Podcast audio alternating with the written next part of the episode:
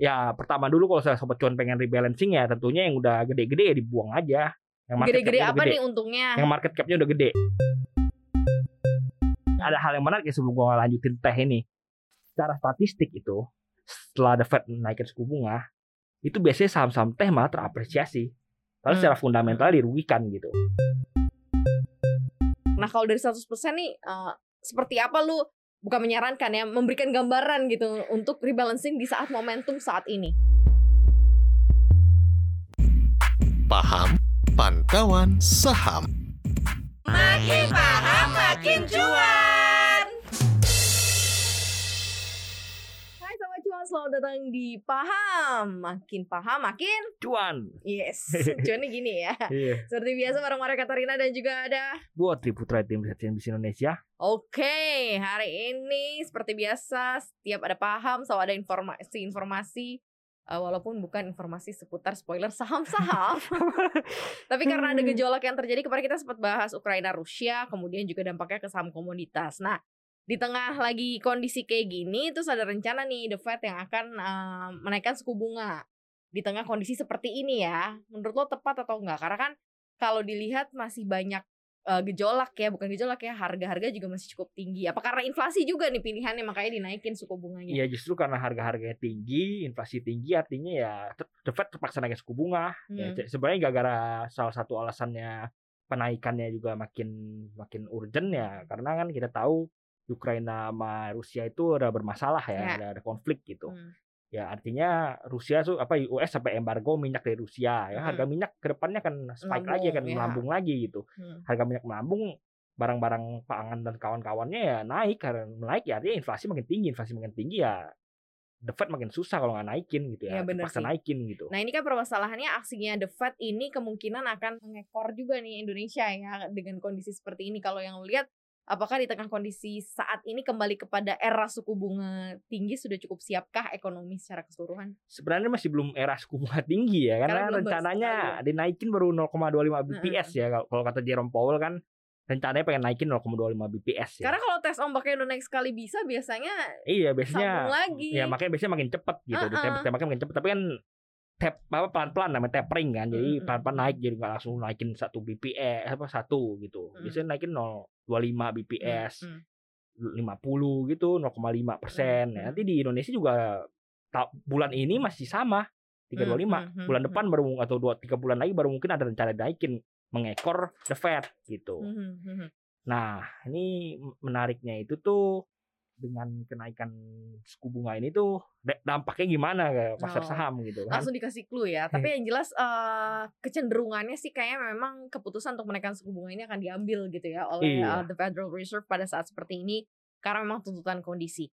Nah, pertanyaan lanjutnya tadi dampaknya kayak gimana? Portofolio gimana? Rebalancing gak nih? Karena kan kemarin sempat kita mengutak-utik tuh ngitung-ngitung saham-saham yang part komoditas di tengah kondisi kayak gini dari batu bara, kemudian juga eh, apa sih namanya minyak, nextnya CPO, bla bla bla akan terapresiasi. Nah sekarang nih kayak gimana rebalancing versi Triputra nih kalau Hmm. misalnya memang menghadapi eh, the Fed yang akan mulai melakukan eh, tapering artinya sudah mulai melakukan kenaik, menaikkan suku bunga. ya kalau secara fundamental memang yang dirugikan ya pasti saham-saham tech kan karena kan Balik masih lagi kemarin juga teh ya Iya, padahal iya. ya. masih merugi ya dengan dinaikin suku bunga ya valuasinya makin turun gitu. Tapi Hmm. ada hal yang menarik ya sebelum gua lanjutin teh ini. Secara statistik itu setelah The Fed naikin suku bunga itu biasanya saham-saham teh malah terapresiasi. Lalu Hmm. secara fundamental dirugikan gitu. Hmm. Tapi secara statistik selama la- tiga dekade terakhir, 30 tahun terakhir sejak tahun 80-an 90-an itu kalau The Fed naikin suku bunga, saham-saham teh tuh selama setahun setelah dinaikin suku bunga pertama itu naik gitu. Hmm. Indeks juga Hmm. naik gitu. Ya. Indeks naik sekitar 10% lah selama Hmm, setahun hmm, hmm. selama selama enam bulan mungkin naik 7 selama satu bulan itu kalau nggak salah gue naik sekitar tiga persen tiga empat persen gitu setelah Ini berapa tahun dinaikkan. terakhir nih yang lo ini perhatiin? tiga dekade terakhir Tiga 30 dekade tahun terakhir, 30 terakhir. tahun Iya. ya. jadi kalau lu lihat tuh Jadi sekarang saham-saham beli saham teh. ya, ya, kalau sejarah yang ngomong teh yang naik nomor satu teh nomor dua real estate Ah, ah, tapi secara se- sebenarnya sejati secara sektoral tuh nggak banyak apa namanya rata-rata sama semua gitu nggak Mm-mm. banyak ada perubahan oh teh menang jauh dari real estate semuanya rata-rata sama gitu selama tiga dekade tersebut gitu jadi Hmm. rata-rata sama. Teknologi, Iya. real estate, properti gitu Nggak, ya. maksud gua sel- sel- di seluruh sektor naik semua gitu. Nah, kenaikannya yang beda-beda tipis. Tapi yang paling perform, Tapi pada perform teknologi, gitu. Teknologi. Tapi ya cuma beti-beti doang gitu. perform tapi beda tipis sama Iya. yang nggak terlalu perform gitu ya. Iya, iya. Tapi kan kalau sekarang teknologi memang lagi cukup tertekan nih di kondisi Iya. sekarang kan. Real estate kayaknya kalau di Indo sih kemarin baru mulai, baru mulai, baru mulai. main, kan. Nah ini gimana nih pe- pemilihan kan selama ini mungkin teknologi nggak terlalu dipilih karena memang tinggalin dulu deh nggak tahu kapan Ya emang sebenarnya sejatinya dirugikan gara-gara kenaikan suku bunga ini gitu. Mungkin di di kaget terakhir mungkin mungkin ada anomali gara-gara ada teh boom atau apa mungkin ada anomali ya. Mhm. Tapi kalau ngomong ngomong di secara fundamental emang dirugikan. Jadi kalau sobat cuan pengen pengen exit ya sebenarnya eh, paling enak exit exit dulu di teh gitu. Hmm. Kenapa ya co- co- contohnya sobat-sobat cuan yang punya saham-saham bank digital itu itu Ini sobat sampai cuan bulan Indonesia tiga ya. iya sobat cuan di Indonesia bulan sampai bulan 3 bulan 6 tuh nggak bakal ke mana-mana most likely ya Mm, mm, mm, mm, kenapa mm. karena ya pertama dulu kalau saya sobat cuan pengen rebalancing ya tentunya yang udah gede-gede ya dibuang aja yang market gede-gede apa gede. nih untungnya? yang market capnya udah gede Oh market capnya udah gede, Iya, karena- di- keluar dulu dari iya situ iya gitu karena ya. kenapa karena nggak bakal jalan nggak nggak bakal naik banyak juga kenapa Hmm. karena market udah gede gitu jadi kalau saya pengen spekulasi di bank digital ya It is mean berarti blue chip tar dulu gitu ya. bukan blue chipnya bank-bank digital yang Bank-banknya market digital, kapitalisasi oke, gede itu oke. bukan bukan blue chip sebenarnya chip-chipan sebenarnya Chip-chip. Oke oke oke. ya ya kalau market Kalau masih gede punya rugi pun juga keluar aja dulu gitu ya. iya cari tem- untung tempat lain Hmm, cari oke. untungnya tempat lain ya kalau lihat ya ada ber- ada beberapa kan market cap udah di atas 100 triliun bank digitalnya udah mm. exit aja dulu gitu Mm-mm. Kenapa ya? Karena satu yang men- menarik, nggak nggak menarik lagi, apalagi di tengah kenaikan suku bunga, terus tidak ada sentimen tambahan. Ya. Ya, kalau sobat cuan pengen spekulasi ya nyarinya di bank-bank digital yang ekuitasnya masih di bawah 3 triliun. Oke. Gitu, ekuitas masih Oke, di bawah langsung 3 triliun. dikerucutin nih Iya, ya. karena- di bawah tiga T. Karena bakal masih bakal ada aksi korporasi di Mm, saham-saham ini gitu ya. ya. Tapi jangan lu harap 6 bulan 6 bulan pertama gitu. Biasanya aksi korporasi tuh ngadat-ngadat lu tiga bulan terakhir baru diselesaiin kadang-kadang ngadat sampai tahun depan gitu kan aturannya kan sampai akhir tahun ini ya Iya, harus tiga iya. triliun ya tapi kadang-kadang ngadat sedikit sampai tahun depan gitu Hmm, kayak di hmm, kemarin kan ada hmm. ngadat-ngadat ya udah kalau sobat cuan pengen spekulasi ya nggak usah ambil sekarang nanti kalau udah bulan udah kuartal 3 kuartal 4 baru kalau usah pengen nggak mau ketinggalan ya kuartal 3 kalau Berarti pengen time ya frame-nya time 4. frame-nya masih cukup panjang Iya, sebenarnya iya, ya untuk iya. masuk ya. iya jadi misalnya punya barang sekarang yang mending mainin tempat lain dulu aja gitu Nah, tempat lainnya tuh apa yang lo lihat? Karena ini kan posisinya uh, rebalancing, Iya. artinya adalah menghindari atau keluar dari saham-saham yang memang ya untuk udah stagnan atau mungkin udah rugi masuk ke yang mungkin lebih bergeliat dan menghasilkan cuan gitu ya. Nih ya itu gue bilang yang kurang menarik ya teh ya kalau Mm. sobat cuan nggak ada, ada teh ya udah putar dulu aja kalau teknologi lain. berarti jangan coba-coba masuk juga Ya. sekarang gitu ya ya. ya kurang menarik lah dibandingkan Mm, yang lain oke, gitu misalnya oke. ada naikan yang lain lebih tinggi mungkin Mm. kenaikannya gitu yang masih menarik ya sekarang komod masih komod gitu Komod. Oke. Jadi uh, teknologi jangan masuk dulu gitu ya. Nah, Iya. untuk uh, saham-saham yang lainnya misalnya kayak komoditas misalnya kayak gimana? ya yang menarik sekarang sih memang masih dari komoditas ya Hmm. seperti kamu katakan harga komoditas masih akan tetap tinggi apalagi kita tahu sama-sama batu bara kemarin udah terkoreksi Ya, lu Hmm. cari aja yang udah deket-deket supportnya gitu Mhm. yang menarik lagi masih menarik untuk di entry gitu apalagi kan kita tahu batu baranya nggak bakal longsor terus kan Ya, ya, ya. pasti akan rebound juga ya pasti saat tersebut ya sahamnya juga rebound Mhm. Kalau yang- longsor sekarang aja juga masih walaupun turun masih tetap iya karena masih karena iya banget. karena harga batu bara masih akan stay tinggi di waktu yang lama gitu Oke, nggak oke. cuman nggak cuman tahun ini sampai tahun depan pertengahan tahun depan juga masih harga batu bara masih akan tinggi kan gue udah pernah bilang 70 US aja udah cuan US Hmm. tahun aja tahun per US udah cuan 400 apalagi ya. 400 iya berapa kali cuan tuh lima enam kali cuan ya itu dia Ya. mana, barang Tuhan yang bagi rata Iya, gitu. betul betul. Batu ya bara. kalau kalau mau spekulasi yang high risk ya mainnya Ya, di batu bara kalau masih mau yang masih agak aman yang masih lagging mainnya di CPO Hmm. gitu jadi kalau selalu mau kayak seperti gue bilang tuh CPO tuh saham-sahamnya biasanya misalnya batu bara apa komoditas sudah terbang Hmm. tinggi CPO-nya masih lagging nungguin nungguin apa laporan keuangan lah Oke. apalah inilah itulah untuk merespon harga CPO-nya yang terbang gitu jadi Hmm. masih lagging dibandingkan dengan batu bara ya yang masih menarik itu lalu turunannya komoditas tuh properti juga masih menarik Oke. nih gua jelasin dulu ya kenapa turunannya komoditas properti Mhm. Ini kan ada economic cycle ya namanya misalnya harga saham apa misalnya harga komoditas tinggi Mhm. orang-orang yang bisnis komunitas banyak duit jadinya Jadi beli rumah, iya banyak duit dia beli rumah gitu jadi gitu ya. rumah laku Bak- lagi gitu usaha gitu iya ya. iya iya konstruksi, ya, Konstruksi iya. yes, makanya yes, yes. ujung-ujungnya secara cycle secara siklus turunannya komoditas ya properti gitu ya properti kemarin udah mulai main terus juga diuntungkan dengan pelonggaran ppkm kan Mm-mm. ini properti properti kan biasanya sambil sambilan merangkap jadi emiten mall kan gitu ya udah mm-mm. mallnya udah mulai dilonggarin udah boleh buka jam 9 lagi di Jakarta ya mm-mm. udah jadi ya diuntungkan gitu Oke. tapi Ini- memang dari kinerja keuangan lu nggak bakal lihat nggak nggak bakal lu lihat udah baikan sih misalnya properti udah, apa udah udah balik seperti sebelum pandemi Berarti kan ini Karena respon pasar agak berbeda dengan kinerja as a fundamental iya, gitu iya, kan. karena memang orang lihat oh properti udah naik nih oh properti udah turun nih oh ya udah Hmm. mereka udah mainnya lanjut ke siklus selanjutnya gitu padahal laporan keuangannya belum respon gitu kan biasanya kan biasanya karena biasanya saham itu apa, pasar saham tuh duluan, Duluan daripada benar. itunya Tadi gue bilang makanya Iya. respon pasar dari satu sentimen, tapi memang tidak langsung uh, berakibat baik dengan fundamental uh, kinerjanya Iya, iya. gitu ya. Nah kalau sekarang kita bicara mengenai perlukan rebalancing portofolio, ini kan kalau dalam 100% portofolio uh, biasanya kan mungkin sobat cuan ada yang 80% di yang blue chip atau 80% yang di beresiko misalnya yang volatile gitu ya. 20 persennya mungkin yang di fundamentalnya bagus.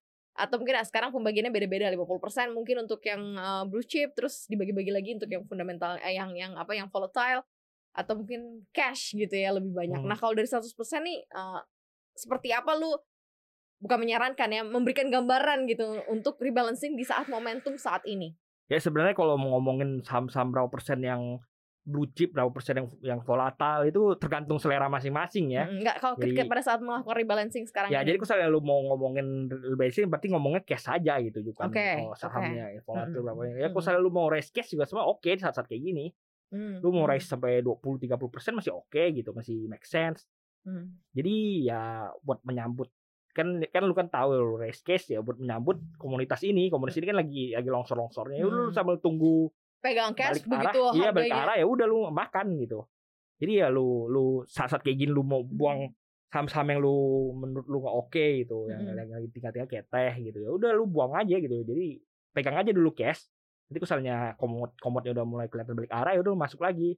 Nanti misalnya cycle udah mau habis selesai lu keluar lagi gitu. Nggak usah nggak usah hold terlalu panjang kalau komoditi gitu.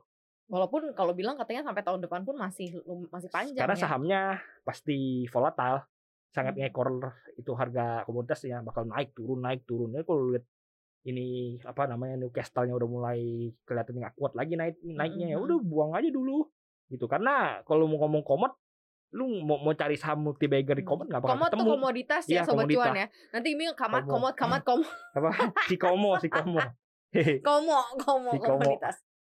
Oke oke. Jadi eh, ini bebas aja. ya jadi kita gue bilang ini kalau mau mau nyari saham-saham multi bagger nih sobat cuan suka pengen suka saham multi, Multi bagger ya. iya dong. nggak nggak bakal ketemu di komod nggak bakal Iya. ketemu berat soalnya kalau komod mau mau multi bagger udah berat gitu Hmm. misalnya kayak saham apa Indi lah udah dua ribu ada nggak menurut lo multi bagger di tengah kondisi kayak gini? ya Yang baru-baru listing. teh gitu. Teknologi ya Ujung-ujungnya tetep teh. ya. ya lu Walaupun tapi lu suruh mau buang, nunggu walaupun ya lo suruh buang ya makanya lu dulu nunggu gitu ya. nunggu kuartal 4 kuartal 3 kuartal 4 kalau takut ketinggalan kuartal 3 kalau misalnya mepet kuartal 4 gitu Hmm. tapi manggungnya nggak bakal di Q1 Q2 ini nggak bakal berat manggung mereka di situ. Kenapa? Kan ini kan ngomongin aksi korporasi kan? Ya. dikasih deadline sama OJK Hmm. kalau lu kasih deadline ya udah lu ujung-ujung deadline ngapain sekarang? Sekarang lu ca- cariin cariin cariin pasangannya dulu kan eh, siapa yang mau beli nih? Lu tawar berapa 500 gua nggak mau ah murah lu berapa 550 ya tak cari-cari pembeli dulu gitu Ya ya ya ya ya. ya. jadi mereka nggak nggak belum apa nggak urgent gitu untuk lakukan sekarang Kalau sekarang uh, mindset yang harus dimiliki sobat cuan nih uh, mainnya lebih ke short cepat gitu kan. Tadi kan lo bilang tunggu sampai cycle-nya Hmm. selesai. Itu ya berarti ya bisa ya cycle-nya selesai dua tahun lagi gitu kan baru selesai mainnya di situ atau ya udah ada yang memang harus di long term kan gitu. Ya kalau lu kalau sobat cuan pengen ya main main aja dulu di komod sampai kan gue bilang raise cash tuh sambil nunggu sambil nunggu Kalau udah Q4 untung Q3 ambil ini ambil cash iya gitu iya kalau ya. sambil nunggu Q3 Q4 ini kalau mau spekulasi di bank digital ya ya udah lu sekarang pegang cash dulu aja mainin di komoditi kalau naik apa sih kalau apa misalnya udah kena ini kan longsor longsor longsor gara-gara Newcastle longsor Mm-mm. ya lu cari posisi masuk Mm-mm. nanti kan pasti rebound komoditasnya pasti rebound itu Mm-mm. Mm-mm. apa most likely bakal rebound lah gitu karena masih akan stay tinggi kalau harga Hmm. komoditi Ya udah nanti kalau misalnya harga batu bara yang ekor ya udah lu buang-buangin ini gua batu bara belum belum rilis ya Ya, ya, kalau ya. rilis mesti cakep ya kesempatan juga gitu ke ITMG gitu-gitu Ya. kemungkinan most likely cakep di kondisi ketika nanti The Fed akan menaikkan suku bunga dan mengarahnya ke sana gitu kan artinya eh, akan cukup banyakkah atau justru malah nanti outflow banyak keluar dari kita gini kalau dari posisi asing ya most likely sebenarnya malah akan inflow kan kita kan Mhm. ekspor di komoditas gitu ya, jadi Oke. memang Indonesia masih menarik buat asing makanya dari kemarin dana asing masuk mulu kenceng banget gitu berapa Hmm. triliun berapa triliun berapa triliun masuk masuk masuk masuk ya karena emang emang bursa kita masih masih menarik gitu kalau misalnya lu Mhm. mau ngomong apa yang menarik kalau misalnya asing masuk pasti masuknya ke banking karena ibarat air gitu yang bisa nampung airnya apa tuangan guyuran air dana asing yang Iya, kenceng ini ya kolamnya yang gede ya yang cuman banking, doang banking. pertama gitu kan pikir pikir kan banking BRI BCA ya Mm-mm. banking banking nanti cucuran cucurannya baru ke komod Hmm. properti gitu-gitu baru sisa sisanya tapi yang pertama nampung banking ya bankingnya dulu yang hijau nanti tapi ya banking udah tau big cap naik juga nggak banyak gitu lu jangan ngarep bisa naik bisa ara ara gitu jangan harap deh Iya soalnya banking yang kolamnya gede kan udah mecer Iya, iya, mecer iya, udah matang mecer-mecer matang makanya. semuanya. market capnya udah gede gue Heeh. bilang kalau gajah jalannya lamban gitu Ah iya iya iya iya bener bener bener ya. Oke. eh, tips deh buat sobat cuan kalau gitu gimana nih harus eh, melakukan rebalancing portofolio bertahap kah atau langsung kah? Jadi artinya ya realisasi realisasi aja untung semua terus baru masuk masuk lagi eh, artinya new stock semua atau ada yang disisa-sisain gitu atau justru malah eh apa namanya eh masukin lagi jadi biar tetap di sini ya modalnya masukin lagi nih kalau cashnya banyak kalau sobat cuannya udah untung di banking banking teh itu yang apa yang bank mini bank ini lu buang aja modalnya buang, Oke. buang aja cuannya ambil. cuannya buang modalnya Modalnya ambil aja. Heeh. Emang modalnya taruh apa namanya modalnya ambil aja gitu. Jadi cuan cuannya taruh di dalamnya taruh Oh, di banking oh, biarin balik. aja sampai Q4 gitu biar biar nggak ketinggalan tanda kutip kan. mm-mm. Ya Udah dari modal itu baru putar aja di komoditi gitu. Misalnya masih kalau sobat cuan masih rugi ya bertahap aja buangnya gitu. Mhm. Tunggu tunggu tunggu udah siap masuk komod baru buang baru buang gitu pelan-pelan buang buang buang buang Mm-mm. misalnya udah siap masuk komod baru buang habis masuk komoditi gitu. Oke. Jadi caranya kayak gitu ya, pelan apa pelan-pelan atau mungkin kalau memang seragam isinya bank-bank digital mini ya buang aja. Iya, iya. Buang tuh maksudnya lebih ke tarik modal, biarin cuan di dalam Iya, iya, gitu. iya. Dan itu yang diputerin lagi. Oke. Kayaknya memang eh, lebih banyak eh, untuk melakukan rebalancing porto karena banyak yang suka dadakan naiknya gitu ya. Hmm. Harian itu banyak banget yang suka misalnya kalau komoditi enak bisa diprediksi gitu. Iya lu sih, bisa ya. prediksi Karena oh, harga Iya eh, karena karena harga karena ngekor banget sama Iya, iya, Newcastle iya, gitu. Jadi iya. selalu lihat oh Newcastle terbang tinggi ya. Udah lu udah siap-siap buangin saham-saham teh lu yang nggak perform, udah siap-siap oper ke komoditi gitu. Mm. Makin asik lah pokoknya sobat cuan ya selamat mengejar cuan. Yang jelas ini dia kita paham kasih pemahaman semoga makin paham makin cuan. Thank you udah dengerin kita hari ini jangan lupa untuk dengerin kita terus di Spotify, Apple Podcast, Google Podcast dan juga Anchor. Dan follow aku di Instagram kita juga di cuap underscore cuan. Jangan lupa untuk subscribe YouTube channel kita di cuap cuap cuan. Like, share, komen sebanyak-banyaknya supaya kita bisa bikin konten yang meriah lagi dan ketemu sama Putra terus pastinya ya. Thank you banget ya. Maria Katarina pamit. Bye bye. Bye. Gue juga pamit.